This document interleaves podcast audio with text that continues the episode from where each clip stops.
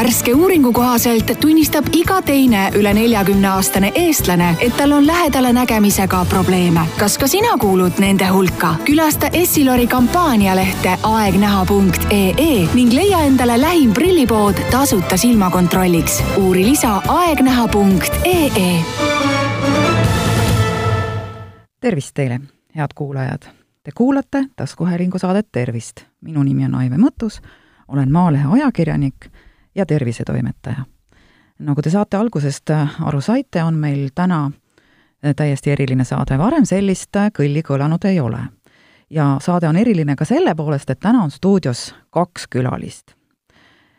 ja need on kaks optometristi, Marta Purt ja Margo Tinno firmast Essilor. Marta on siis selle firma juhataja ja Margo tootespetsialist, tere! Eh, hakkame rääkima nägemisest. hakkame. hakkame, väga hea. mis organ see silm siis on, kuidas, kuidas jõuab kujutis keskkonnast inimesele nii, et me seda näeme? ütleme, lihtne küsimus, aga väga keeruline vastus ja keeruline selline süsteem, mida, mida suht lihtsalt lahti seletada, aga meie nägemine on kujunenud äh, ikka evolutsiooni käigus äh, väga pikka aega ja, ja me ise tegelikult seda nagu väga tähele ei pane.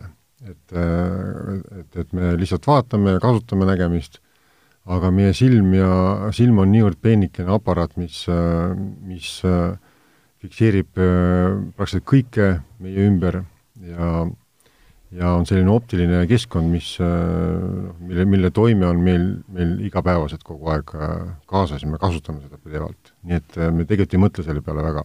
Tegelikult me märkame ju nägemise noh, siis ütleme nägemist või me tunneme selle, sellest puudust siis, kui meil seda järsku enam ei ole või see halvemaks läheb jah, et kui me ühe silma, ühele silmale kas või mingisuguse õhukese läbipaistmatu asja ette paneme või, või natukene läbipaistva asja ette paneme, siis see ikkagi häirib meid tohutult ja me tahame, et seda seal ei oleks.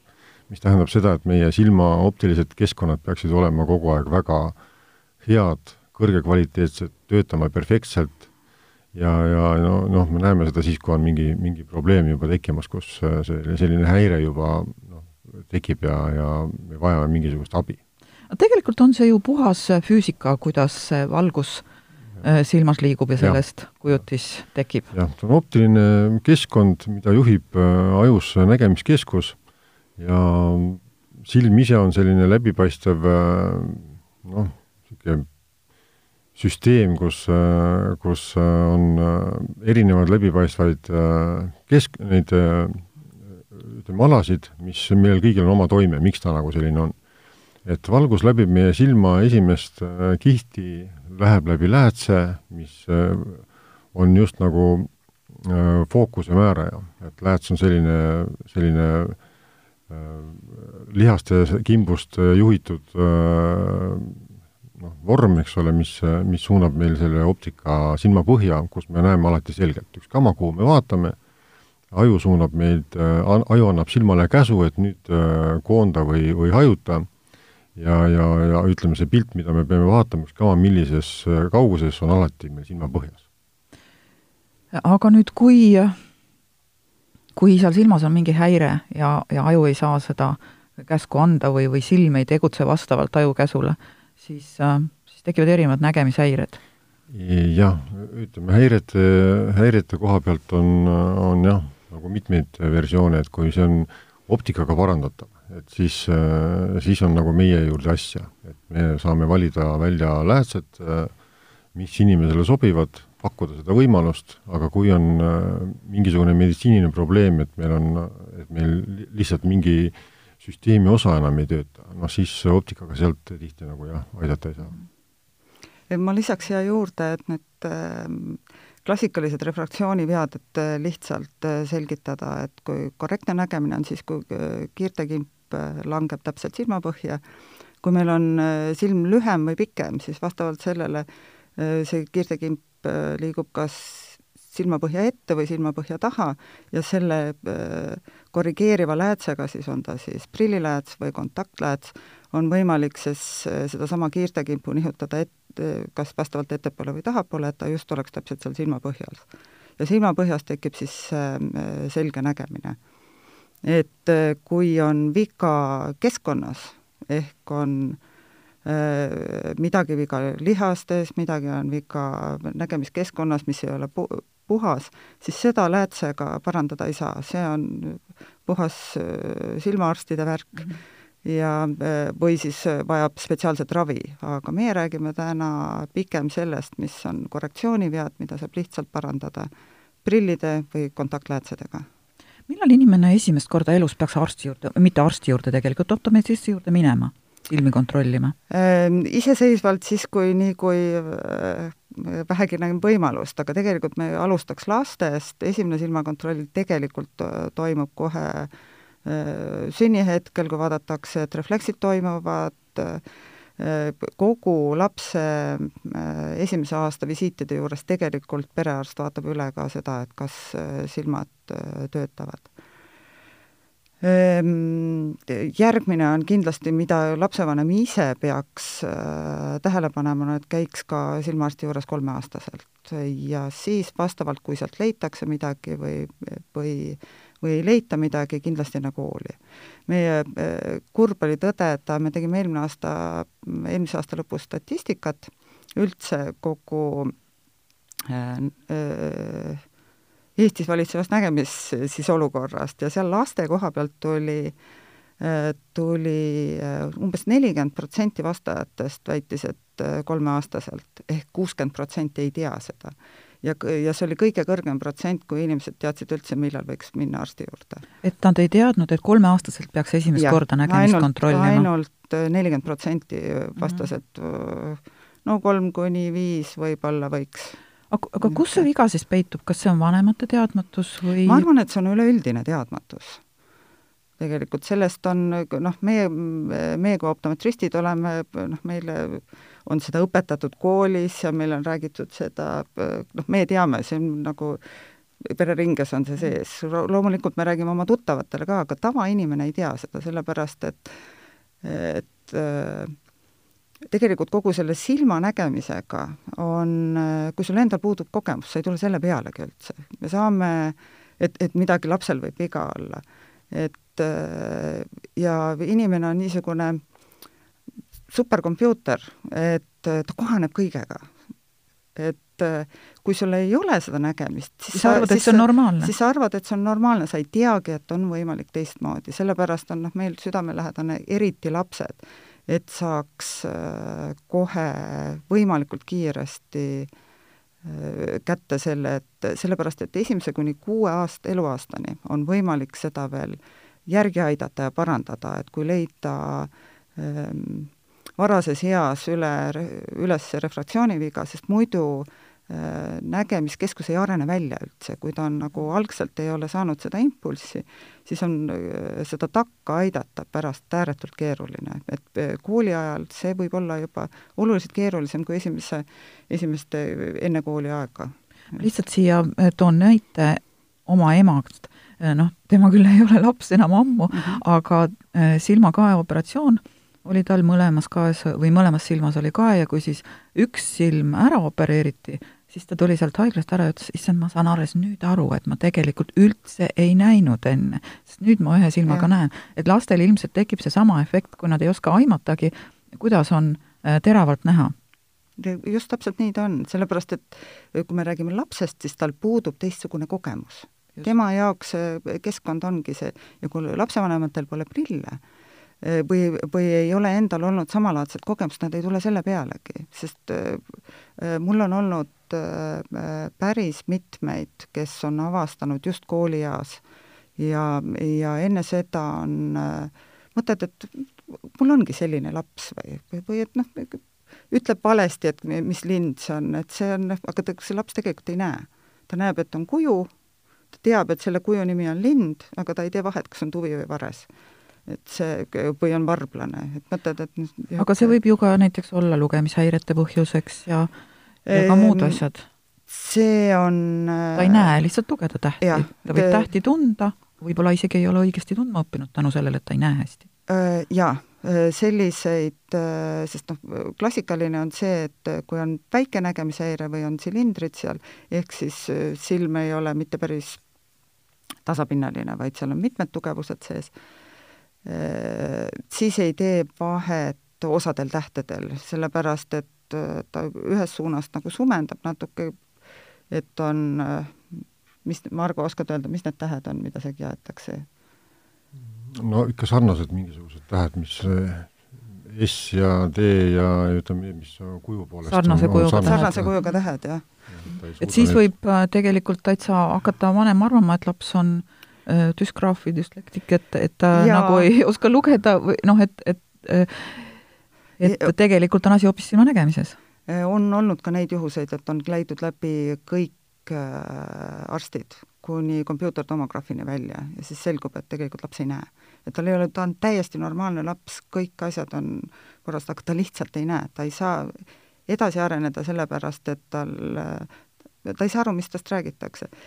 minu teooria, minu isiklik teooria on äh, see, et äh, kuna me oleme äh, mul on pisut lastega kokkupuudet ja, ja, ja üks põhjus lasteaedades ja koolide esimestes klassides, kui on, meil tänapäeval diagnoositakse päris palju seda hüperaktiivsust ja niimoodi.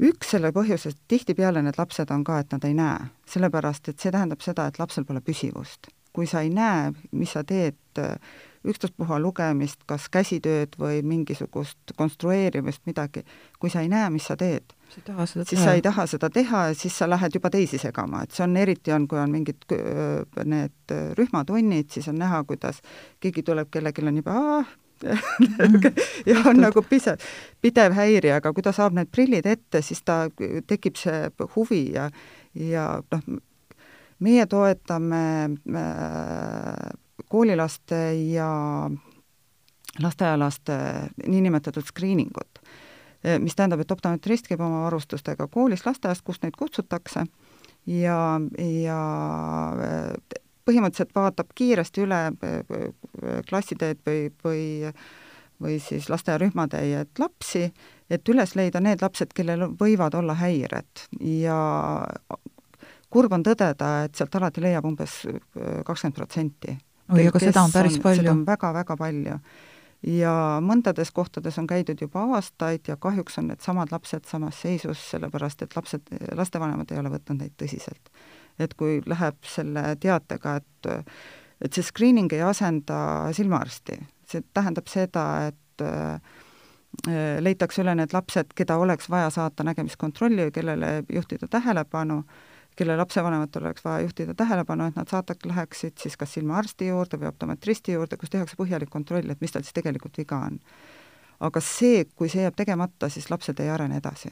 ehk nad jäävad täpselt samasugusteks äh, niinimetatud segajateks, aga samas äh, see potentsiaal läheb kaduma, et äh, noh, kui sa hästi näed, siis sa oled suuteline arenema igal alal. kui nüüd mõni lasteaed või, või kool seda saadet praegu kuuleb, siis kuhu ta peaks pöörduma, et kutsuda teid enda juurde laste silmi kontrollima?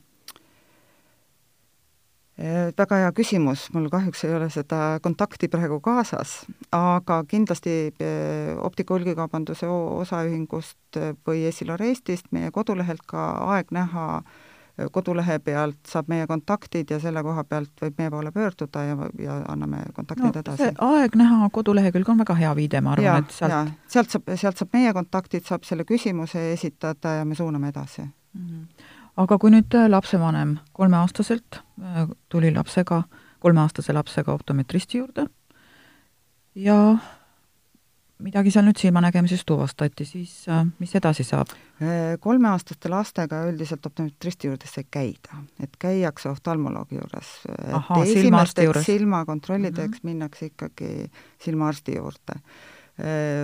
Seda last loomulikult võib optometristile näidata, sellepärast et optometrist saab öelda, et kas on midagi viga või ei ole midagi viga, aga esmased kontrollid teevad silmaarstid, sest seal võivad olla hoopis teised põhjused, mitte refraktsiooniviga aga Margo, äkki te seletate ära siia vahele, mis on optometristri ja oftalmoloogia ehk silmaarsti vahe?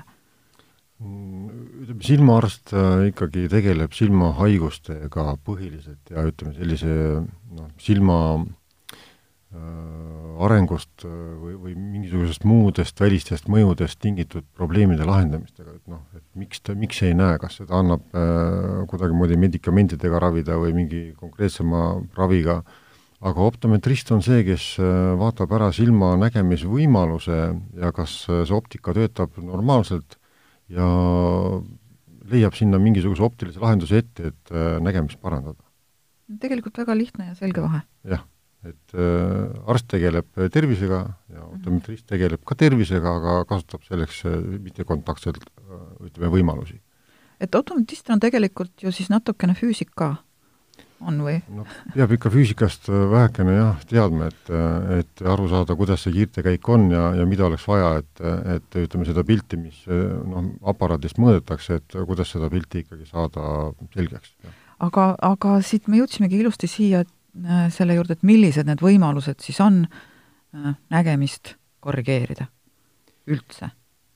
võimalusi on, on mitmeid, meie, meie muidugi räägime sellest, et kui hea on kasutada lähetse või mittekontaktseid lähetsi ehk siis prilli, prilliklaase rahvakeeli. et äh, paneme, eks ole, klaasid äh, raamidesse ja siis need ette.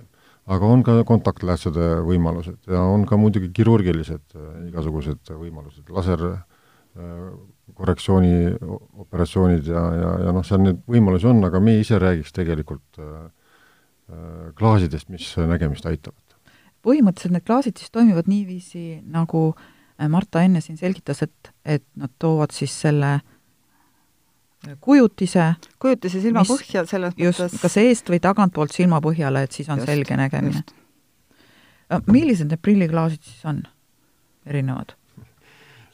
Jälle, jälle lihtne küsimus ja väga, väga sisukas, sisukas jah, selline suur ala, mida me siin eile just naersime, et et palju meil siis on klaasi võimalusi niimoodi, et, et kui inimesel oleks vaja midagi, tal on konkreetne number, konkreetne raam ju valitud ja et siis ja, ja millised on inimese vajadused, et siis seal klaasi võimalused on tuhandetes.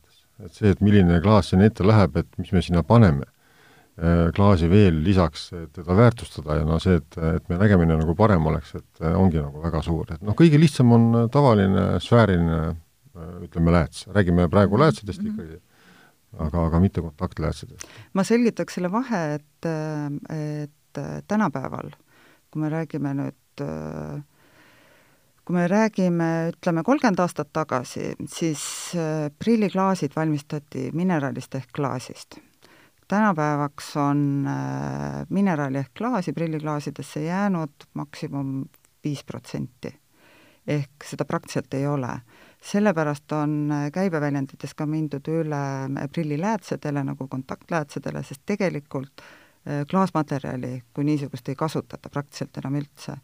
et prilliläätsed toodetakse siis erinevatest plastikmaterjalidest ja nende vahe on see, et mineraalläätsed kindlasti on raskemad ja purunevad ehk äh, kandmismugavuselt igasugune plastiklähetus annab seda, et on kergem, teda on mugavam kanda ja ta on turvalisem.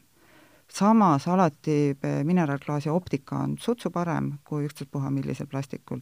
seda on, äh, ma saaksin seda võrrelda seda, et kui sul on plastmassvaas ja kui sul on klaasist vaas, siis ühe selgus on ühtemoodi ja teise selgus on teistmoodi kuigi optikas kasutatakse plastikmaterjale, mis vastavad absoluutselt teatud nõuetele, et ta peab säilitama oma selgust äh, ja kõiki muid asju seal. ma ei hakka liiga keerulisemaks mhm. ajama, aga tal on, tal on äh, noh, sellepärast on äh, need väljendid ka läinud ümber, et tihtipeale inimestes tekitab segadust, et lääts mõeldakse kohe kontaktläätse, aga tegelikult tänapäeval on nii kontaktläätsed kui prilliläätsed, et on, mõlemad on mhm. läätsed. jah, et siin see, see väike erinevus on, et, et läätsel on lihtsalt oma selline spetsiifiline läätse kuju. et ja. see, see tähendabki, et ta lääts, üks on kontaktlääts. ja kui me seda võrdleme, siis see on nagu toidu tegemise juures lääts teate, mis kujuga ja, on? see täpselt no. samasugune on meil silmaläät sees mm -hmm. sama kujuga ja samast, sarnasest mm -hmm. toorikust tehakse ka prilliläätsed ja kontaktläätsed, et see on kõik niisugune selles mõttes äh, me võime ju plasti armastada või mitte, aga tegelikult äh, nägemise korrigeerimise juures nüüd need äh, läätsed on tõesti küll väga mugavad, ma oleksin oma prillid ja. ammu pidanud uute vastu vahetama, kui mõelda, et nad on ma ei tea, mitmeid kümneid kordi maha kukkunud, peale just astunud ei ole, istunud võib-olla olen, aga nad on terved ikka. Just. Ja, ja killud ka kusagile ei ole läinud, nii et selles mõttes lastele tegelikult on ju ka eriti turvaline, ega ja, me ju kõik ja. oma lapsepõlvest mäletame, kui ajad veel ei olnud sellised nagu praegu, kuidas olid siis meie seas mõned prillikandjad, kes kandsid ikka nii raskeid prille, et need vajusid meil nina otsale ja, ja noh, kui see nagu õige koht äh, ära nihkub, siis ega ei näe ka ju, see lääts võib sul seal paks ees olla, aga aitab ikka. kui sul on, kui sul on ikkagi nii kehv nägemine, siis igasugune abi on abiks mm. -hmm. see aitab ikka ja, ja nagu ma ütlesin ennem, et inimene on väga kogunemisvõimeline mm. -hmm. tol ajal olid, kui me räägime, ütleme, kolmkümmend aastat tagasi, siis Nõukogude ajal siis, siis need ka valmistamispiirid olid väga piiratud, et äh, inimesed tahtsid moodsat suurt raami, mida ei olnud ka saada kuskilt, aga klaasid olid väga väiksed, nii et seal tegelikult äh, silmavahest kui sellest personaliseeritud, et täpselt sinu jaoks äh, asjast kolmkümmend aastat tagasi väga ei ei mm. pandud, ei tähtsustatud seda, sellepärast et võimalusi ei olnud seda tähtsustada. ükspuha, muidu poleks keegi prille saanud, kõik silmavahed olid valed ja inimesed kohanesid sellega. aga kuidas me, kui nüüd mina tulen teie juurde äh, on tuvastatud mul nägemishäire ja need tuhanded valikuvõimalused, kust otsast äh, te alustate koos selle inimesega, kas te hakkate kõigepealt valima raame ja siis äh, hakkate sinna klaase sobitama või vaatate ette, te ütlete ära, et vot, need on nüüd need klaasid ja need sobivad nendesse raamidesse? no ütleme, kui inimene tuleb nägemisprobleemiga, läheb kauplusesse ja, ja kurdab oma, oma mure ära, siis äh, kõigepealt kontrollitakse silmad üle et äh, see on nagu täiesti vajalik, et, et, et aru saada, mis sinna siis vaja on ja ja kui silmad on kontrollitud, siis vaadatakse üle ja, ja võrreldakse äh, neid võimalusi, et, et noh, inimesel on ka oma eelistus, et millist raami ta tahab, äh, mis tal ees oleks. ja nüüd inimene, kes, kes talle klaasi või läätse pakub sinna sisse, peab teadma, et seda läätse on võimalik sinna äh, sinna ka asetada niimoodi, et ta näeb ilus ja, ja mugav ja kerge välja igatepidi. aga ütleme, see läätse valik nüüd sõltub sellest, milline see nägemine on ja milline on inimese vajadus. et, et noh, siin on nagu need tohutu suured võimalused praeguses mhm. optika no võtame praegu näiteks selline näide, prillid on tegelikult ikkagi see segav asjaolu siin nina peal, on ju, ja inimesed äh, on elustiililt väga aktiivsed tänapäeval, äh, teevad sporti, rändavad igal pool, äh, noh, prillid lihtsalt mõnikord väga segavad. et millised on näiteks võimalused äh, kontaktläätsede puhul siis erinevate nägemishäiretega inimestel? kontaktläätsede puhul, äh, kontaktlääts on selles mõttes äh, mõnes mõttes parem selline lahendus silmale kui, kui prill, sest, sest ta on sul täpselt vastu sarvkesta ta on niimoodi, et ta on nagu oma silm, siin ei takista midagi, sa ei näe, ei tunne teda, noh, see äravõtmine ja panek. et see on nagu ainuke asi ja kui kontaktlääts ei ole noh, liiga kaua silmas olnud, siis ta, siis ta ka ei mõjuta meie sellist noh, mikrobioloogiat siin silmas, et ta ei, ei lähe nagu kasvama ebasoovitavalt.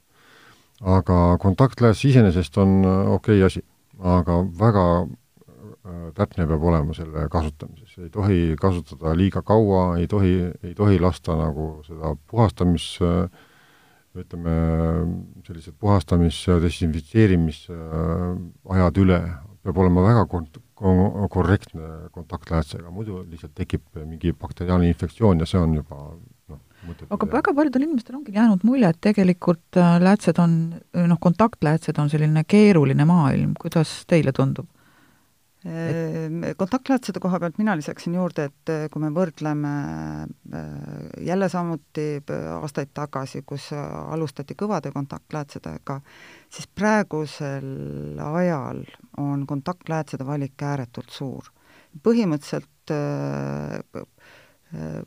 inimesed, kes vajavad nagu aeg-ajalt, on olemas päevased kontaktläätsed, mida äh, mida saad kasutada just täpselt see, et sa lähed metsa või lähed sportima, et sa paned ta selleks ajaks silma, pärast võtad ära ja, ja, ja viskad minema, mis on tegelikult äh, hügieeni koha pealt kõige ideaalsem, sellepärast et sul ei ole vaja eraldi puhastusvahendeid, sul ei ole vaja neid eraldi säilitada kuskil ja sa tead, et iga kord sul on puhas lääts. millega inimesed kõige rohkem eksivad, on, nagu Margo ütles, ülekandmine. mis tähendab seda, et silmalaugude alla tekivad juba äh, tüsistused äh, ja, ja kogu see silmahügieen just läheb äh, käest ära kuidas on nüüd lastega, no täiskasvanud inimene õpib selle läätse silma panemise suhteliselt kiiresti ära? meie lapsed on väga nutikad. selles mõttes äh, arenevasse silma väga ei taheta panna, kui on juba teatud neliteist neliteist pluss, aga see on ikkagi nende laste puhul, ütleme, kes teevad sporti. mitte seda, et igapäevaseks kandmiseks, sellepärast et selles vanuses siiski silm areneb ja seal ei ole väga hea, kui oleks eh, kakskümmend neli tundi eh, mingi võõrkeha peal. on olemas ka ööpäevased läätsed, mida sa saad kanda nagu kogu aeg, sa ära ei pea võtma, aga sinna juurde käib ka, silm vajab hapnikku ja kontaktläätsede kandmise juurde on kuldne reegel, et kontaktläätsed võivad olla, aga prillid peavad alati olema. sellepärast, et silm vajab vahepeal puhkust ja et on, et niimoodi ei saa silma koormata, et sa kasutad ainult kontaktläätsesid ja kui sul on silm nii halvas korras, sul ei ole prilli ette panna. ehk see on alati, on see kuldne reegel, kõigepealt prillid ja kui sobib, siis määratakse ka kontaktläätsed. aga teatud olukordades on kontaktläätsed asendamatud aga äh, no neid prilliraame on ju ka igasuguseid, on ju, tõesti võib võtta, astud poodi sisse, seinad on täis neid. milline on see niisugune, no ütleme, selle sügise kooli alguse trend, milliseid raame lapsed tahavad? lapsed on nagu ikka, osad mõjutatud vanemate poolt ja osad mõjutatud siis multifilmidest ja, ja videomängude kangelastest ja nii, ja Aa, nii nagu, edasi. nagu käiakse Aga... juuksuri juures, et palun mulle selle näitleja soeng, siis teie juurde tullakse, et palun mulle selle multika kangelase prillid. et just täpselt see, et kes parajasti kellegi iidol on ja kuidas on äh, perekondlikud suhted, kelle, kelle mõjuvõim jääb peale. aga üldiselt on äh, lapsed ikkagi äh, noh, kogu Skandinaavia pool praegu on pigem ümaramad vormid ja prillid lähevad jälle järjest suuremaks, mis loomulikult teeb meie töö järjest keerulisemaks, sellepärast et see äh, soovitakse ilmvõimatult äh, seal on äh, füüsikalised parameetrid, mida ei saa lihtsalt suurde raami teatud tugevuste puhul kokku panna, et siis on, peab inimestele pettumust valmistama. aga kui me tuleme tagasi selle prilliklaasi soovitamise juurde, siis tegelikult mille pärast inimesed tulevad minnakse optometristi juurde või silmaarsti juurde sellepärast, et sa tunned, et sul on midagi viga. ehk sul on vaja nägemist korrigeerida, sa saad uue retsepti ja siis äh, inimesed tegelikult ei tea, kui palju nägemises on äh, mõjujõudu just täpselt sellest, missuguse klaasi sa ette saad. see unustatakse ära peale silmakontrolli. edasi valitakse raami ahah, et klaas nagu, no klaas see on, on, on mingisugune tähtsusetu asi. klaas on niisugune asi tegelikult, et et inimesed ei tea sellest mitte midagi. nagu me ennem rääkisime, Margo ütles, et me vaatasime just üle, et meie, meie nomenklatuuris on üle kahe tuhande positsiooni. erineva valikuvõimaluse? erineva valikuvõimaluse. sa oled selleks ajaks, kui sa oled endal suurepärase aksessuaari välja valinud, ehk siis uue raami, oled sa, sind huvita absoluutselt see, mis klaasid sinna sisse lähevad, sellepärast et klassikalised inimese jaoks on juba, sul on retsept olemas, ta ei tea, et on olemas mustmiljon võimalust, mis oleks sinu jaoks tegelikult hoopis parem. et sellisel hetkel hakkab juba jääma rahast natukene kahju, võtame see, mis esimeseks soovitatakse, käib küll, sellepärast et ma saan väga ilusa raami. kuulge aga teil on täiesti võimatult raske töö minu meelest sel juhul Te peate ikkagi ju suutma kuidagi inimesele teha selgeks, et vaadake, et raam raamiks, aga te peate nägema hästi. jah, ja see tavaliselt teeb ära, sellepärast et inimene oma noh, uue, noh, uue välimusega, põhimõtteliselt ta läheb tooma endale uut välimust, see on, see on nii naljakas, kuidas see alati ära unustatakse, et sa lähed saama paremat nägemist, aga lõpuks tahad saada uut välimust. et see on tegelikult nagu, et, et enamasti on äh, ma kategoriseeriks võib-olla kuidagi niimoodi, et umbes kümme protsenti on täpselt see inimeste hulk, kes tegelikult teab ka klaasidest midagi, kes oskab oma varasemast kogemusest, ei seda ma tahan, tahan midagi teistsugust, ja üheksakümmend protsenti on need, kes kuulavad seda, vaatavad hinna järgi, et äh, see tundub mulle rahakotile kõige sobivam, aga äh, tegelikult nad ei jaksa kuulata enam seda, mis hea, häid omadusi on võimalik saada.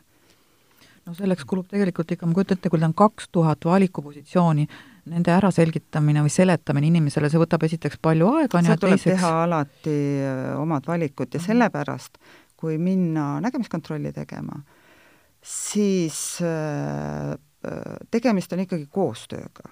seal tuleb ära selgitada juba optometristi juures ja kabinetis oleks hea välja selgitada see, mille jaoks neid prille vaja läheb.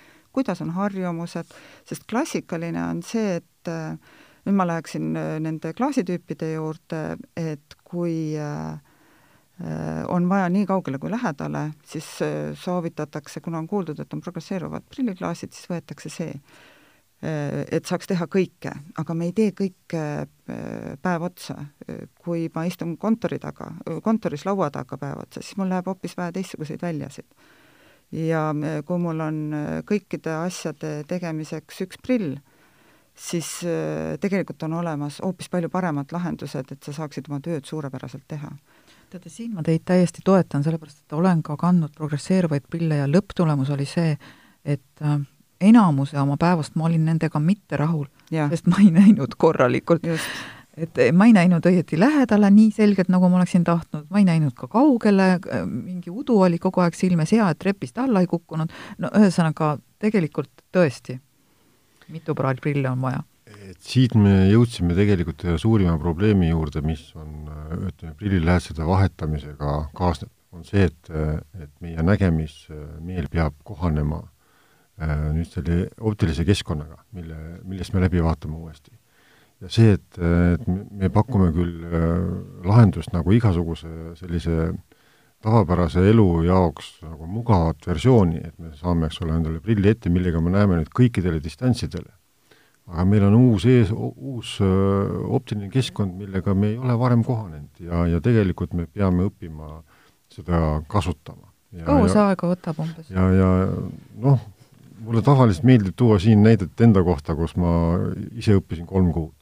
Kolm kuud? kolm kuud sisuliselt äh, jah, läbi selle optilise keskkonna, mul oli natukene keerulisem lähedus ka esimeseks äh, selliseks äh, tööks, nii et nii et kolm kuud ma vaevlesin ja, ja siis ühel hetkel oli, oli see probleem möödas ja, ja ütleme, aju suudab seda optikat niimoodi enda jaoks rakendada, et, et see enam ei häiri. see, et, et milline see optika ees on, vaatad lihtsalt ja kasutad ja enam sellega ei tegele et siis noh, ütleme siis, et kolm kuud läheb tegelikult selleks, et sa hakkaksid harjuma, et sul on prillid ninal, sa ei saa arugi ja, ja siis hakkad prille otsima ja lõpuks saad aru, et oi, nad on mulle ees tegelikult no,, on ju. kolm kuud on muidugi see on niisugune no, ekstreemne, see on väga ekstreemne. aga noh, mingi kuu, kaks nädalat. ütleme, et me ise anname nagu no tegelikult on no. see kui on, kui sa saad aru, mida, mida sa kasutad või kui sul on see klaasitüüp hästi ära selgitatud, siis äh, Äh, ma ütleksin, viiskümmend protsenti on need, kes näevad kohe, kellel ei ole üldse mingisugust probleemi.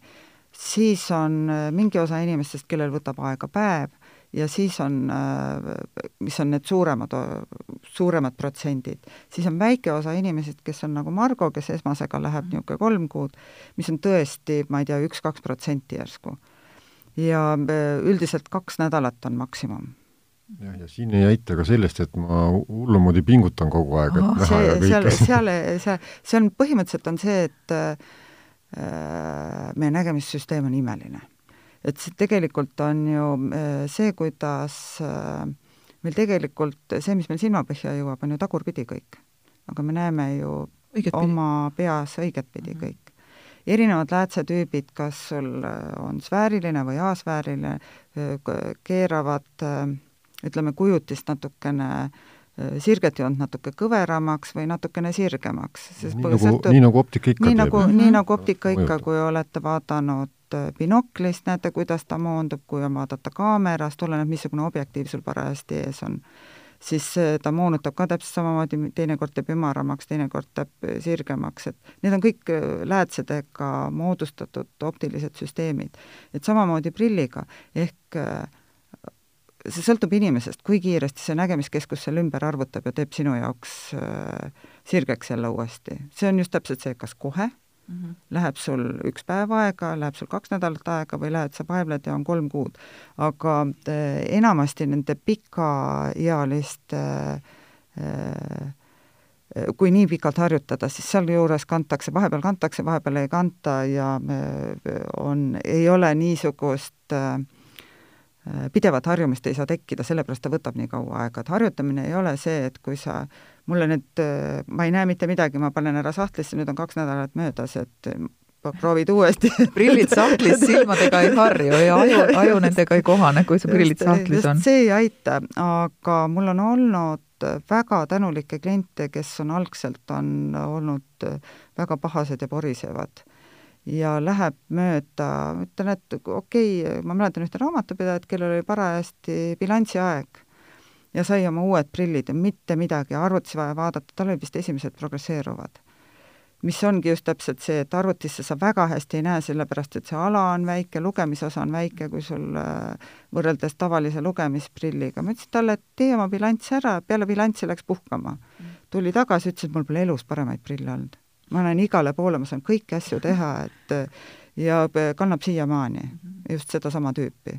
et see on just täpselt see, et sa ei pea tegema seda, kasutama ainult seda väikest osa algselt, vaid sa noh, mina ise kasutan arvuti taga kontoriprille, mida on ka ikkagi lai valik.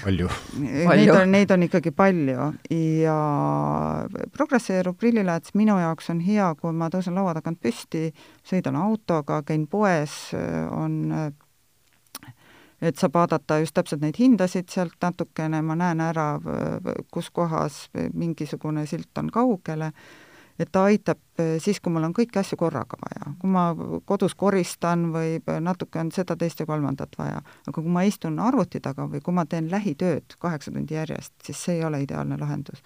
ja seda tuleb kindlasti, kui minna uusi prille nõudma Äh, rääkida, et mis on noh, klassikaline vastus on ikkagi see, et, et optometristid mitte ei ürita pugeda su eraellu vaid, vaid, vaid noh, neil tegelikult seal tagaplaanil kalkuleerub kogu aeg see, et missugust klaasi soovitada, et mis on sinu jaoks parim, on ju. sellepärast küsite, et mida te teete päeval. et, et, et mis, missugust tööd, et ei, me ei taha telefoninumbrit ja kõike muud, et, et ei taha ka koju ukse taha tulla, aga, aga just see, et soovitada seda parimat valikut, sest noh, tõepoolest me ei hakka pakkuma kõike seda kahte tuhandet, seda ei jaksa eh, keegi eh, ära kuulata, aga sa teed oma peas vastavalt siis inimeste, inimese vajadustele, teed mingisuguse valiku ja siis pakud, ütleme, kolme varianti mis on sealt kahe tuhandest juba välja võetud ja siis saab hakata vaatama edasi, korrigeerima seda kas materjalidega,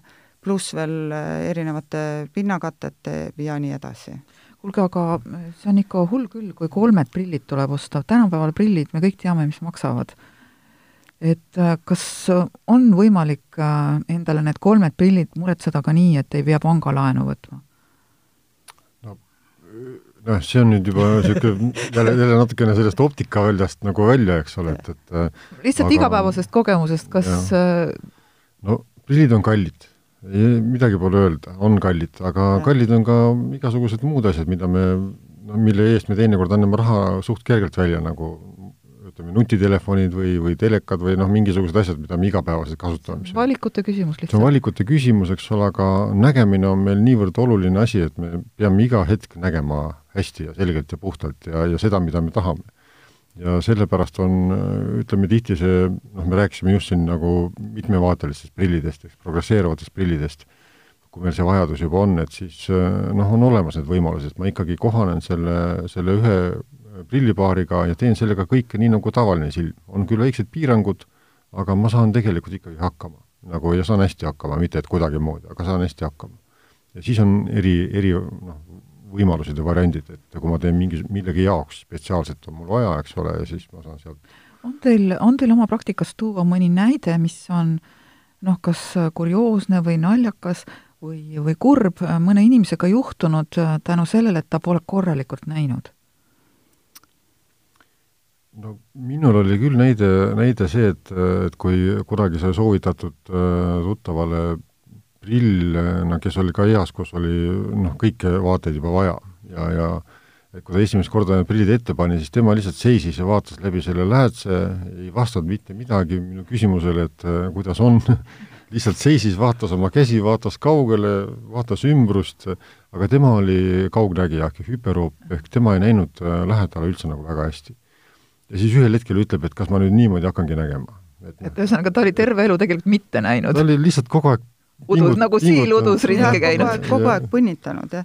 ma mäletan aastaid tagasi, minu kõige suurem šokk oli, kui sai määratud äh, minu meelest oli see kakskümmend pluss meesterahvas, kes sai oma elu esimesed prillid, mis oli miinus kaheksa. see tähendab seda, et ta kuni lapsepõlvest ja kõik koolid oli läbi käinud nii, et ta ei näinud mitte midagi kuulge, aga sellisele inimesele tuleb au anda. kuidas ta nagu läbi ostis, ta ostis kontaktläätsed, mitmed prillid, ta oli ta oli niisugune noh, tema jaoks oli absoluutselt uus maailm täiesti, et äh, kahjuks meil niisuguseid inimesi on. Ja see on see, et ta, sa ei teagi, et on teistmoodi võimalik, sa, sa kohaned. aga nüüd äh, neljakümnendates eluaastates juhtuvad, juhtub ju inimestega sageli see, et me hakkame ühtegi kõik järsku halvemini nägema, miks? no see tuleb sellest, et äh, lähets, mis meil äh, korrigeerib seda ütleme, nägemiskaugust või seda, seda pilti siia silmapõhja, et see lähets äh, elu jooksul ikkagi tiheneb nii palju, et, äh, et ta jäigastub ja ta enam ei tööta nii, nagu lähets on elastselt, et äh, kui vaatan kaugele, on ta lapik ja vaatan lähedal, on ta kumer ja vot see töö on pärsitud ja sellepärast meil tekib äh, esmane probleem lähedale vaatamisega, et ehk me ei näe nii lähedale selgelt, on udune, me peame objekti endast viima kaugemale, et äh, selgemini näha, aga ühel hetkel on käed lühikesed ja, ja siis meil on vaja lihtsalt plusstugevust ja siis tavaliselt inimesed tulevadki. aga nüüd ongi see, et ühel hetkel on käed lühikesed, kas peab ootama nii kaua, kui on käed lühikesed või millal võiks tulla? Äh, inimestel on äh, tore arusaam, et kannatada nii kaua kui vähegi võimalik, siis ei lähe hullemaks. ütlen, et läheb küll. ükspuha, mis sa teed, see on füsioloogiaga ette määratud, see ei kao kuhugile, et ei ole mõtet kannatada. et tegelikult on, kui me Äh, räägime lastest, siis oleks soo-, soovituslik kolmandal ja kuuendal eluaastal ja kui midagi on, äh, kui midagi on leitud, äh, siis kindlasti see laps peaks käima, oleneb sellest tugevusest ja oleneb sellest diagnoosist, mis tal on, käima kas kord aastas või kord kuue kuu tagant. tervetel lastel soovitaks käia vähemalt kahe aasta tagant. aga igaks juhuks äh, ei ole paha, kui äh, kord aastas käia, sellepärast et äh, tegelikult me sada protsenti ei tea, mida toovad uued nägemisharjumused. sellepärast, et kui me vaatame, kuidas on maailm muutunud viimase, ütleme, kahekümne aasta jooksul, ehk äh, kogu see keskkond, mida me igapäevaselt kasutame, on läinud nutiseadmetesse. mis see sinine ekraan teeb meie silmaga? See, see ei puuduta mitte ainult sinist ekraani, Margo räägib meile sellest mm -hmm. sinisest valgusest ka veel, aga see puudutab seda, et äh, kui me vanasti kirjutasime äh, kahemõõtmeliselt, äh, siis me praegu vaatame suurem osa ajast, kõik, suurem osa töökohtasid on ju automatiseeritud ja töö käib põhiliselt arvuti taga. kui me vaatame praeguse statistika järgi vist isegi võrdselt on, kasutatakse nutiseadmeid ehk nutitelefon, kus kiri on palju väiksem ja ta on palju lähemal. ehk see annab silmale hoopis teistsuguse koormuse, kui on ka arvuti.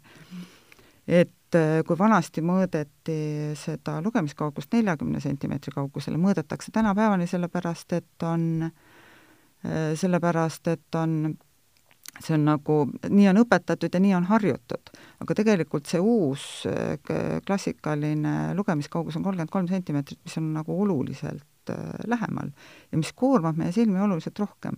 ehk tegelikult, kui meie lapsed on telefonis ja kasutavad arvuteid ja teist äh, ja muid nutiseadmeid, siis nad tegelikult koormavad oma silmi oluliselt rohkem ja see võib vajada juba lähituge üsna noores eas ehk eh, kui vanasti räägiti nelikümmend pluss, et tekib eh, presbüoopia, siis ka see presbüoopia igal nihkub järjest lähemale, sellepärast et meie vajadused lähedale näha on oluliselt suurenenud, vanasti ei olnud nii palju vaja näha. sest meie töökaugus oli natuke kaugemal ja ei olnud oli kahemõõtmeline, praegu iga, digipildid on läinud küll oluliselt paremaks, vanasti nad värisesid kõvasti vastavalt sellelt, kuidas see pikslid olid, nüüd see kõik on läinud oluliselt teravamaks, ta ei väsita nii palju silma, aga mis väsitab silma, on sinine valgus. no nii, aga mis see sinine valgus teeb siis?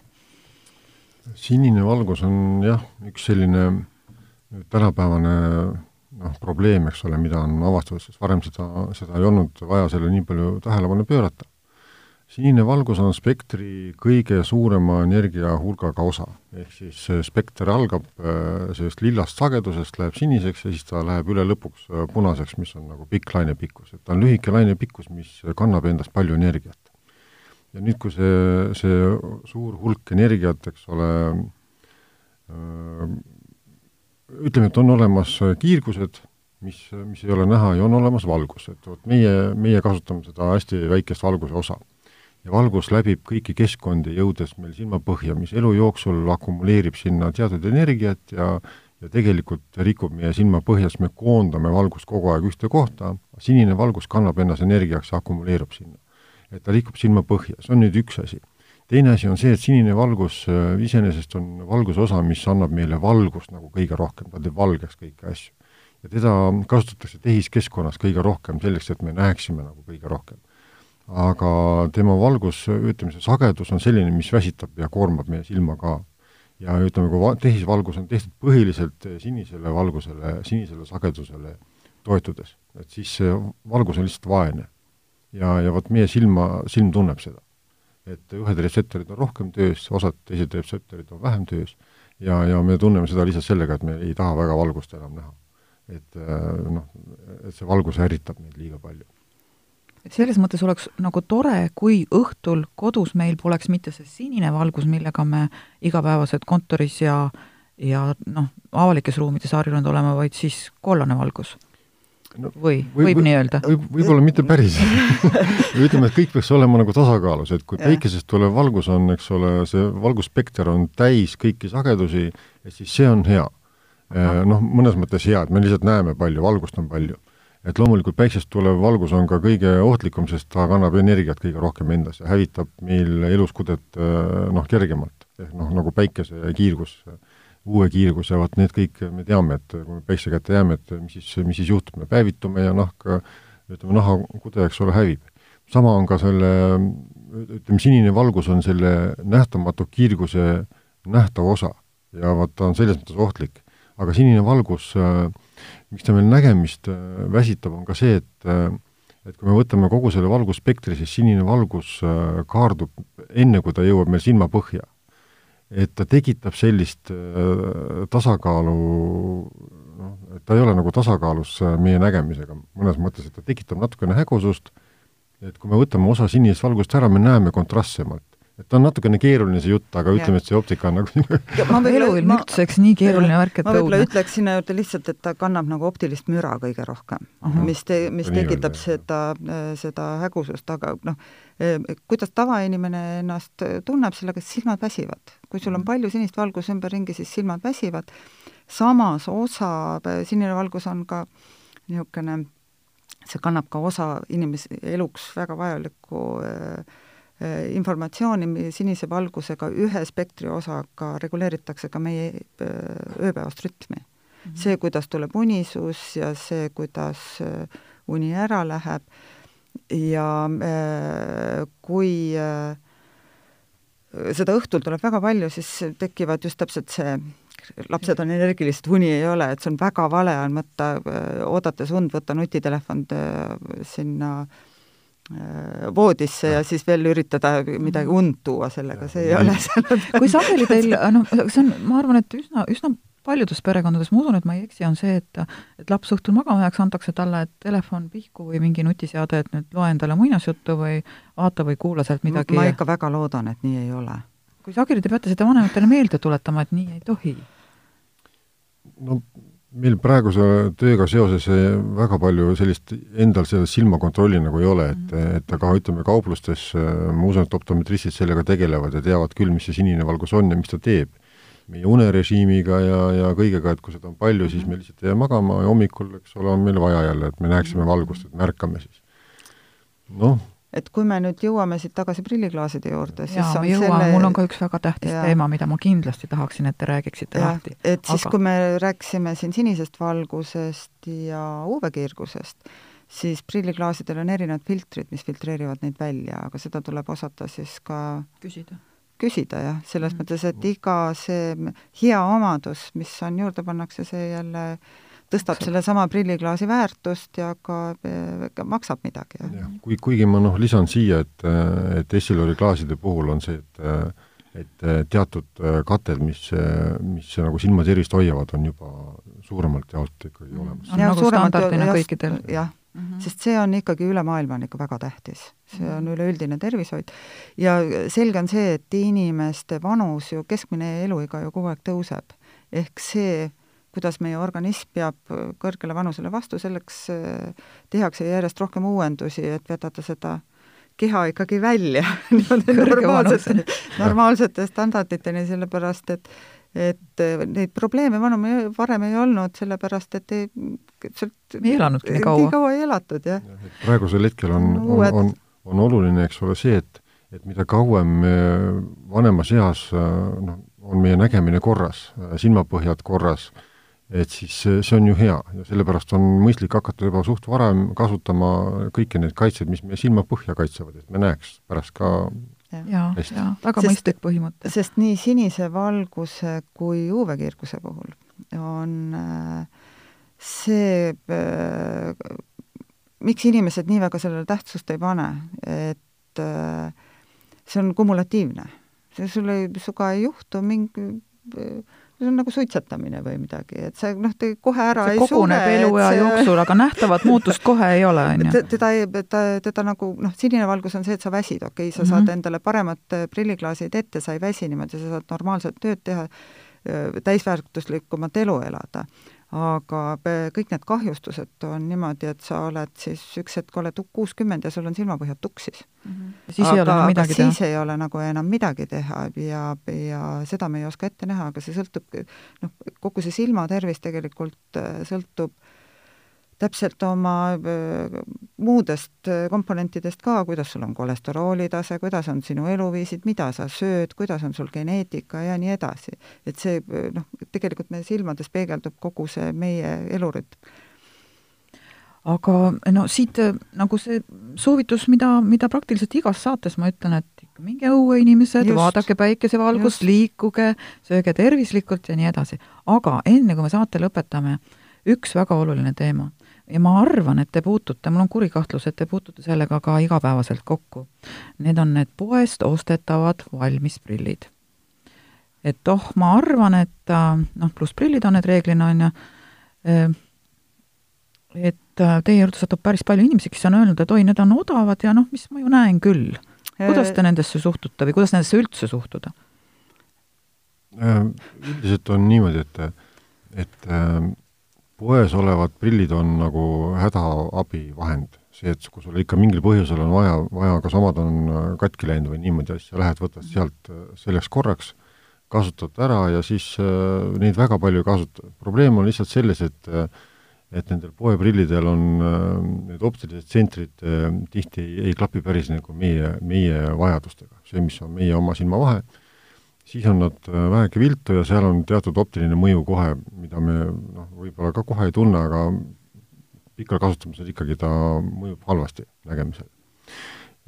Ja materjali teema on ka see, mis, mis ei ole teinekord kontrollitud, et mis materjal see ikkagi on, mida me endale ette paneme. et, et meie, meie käest või optikakauplustest, mis on prillimüügiks ette nähtud, saab ikkagi sertifitseeritud toodet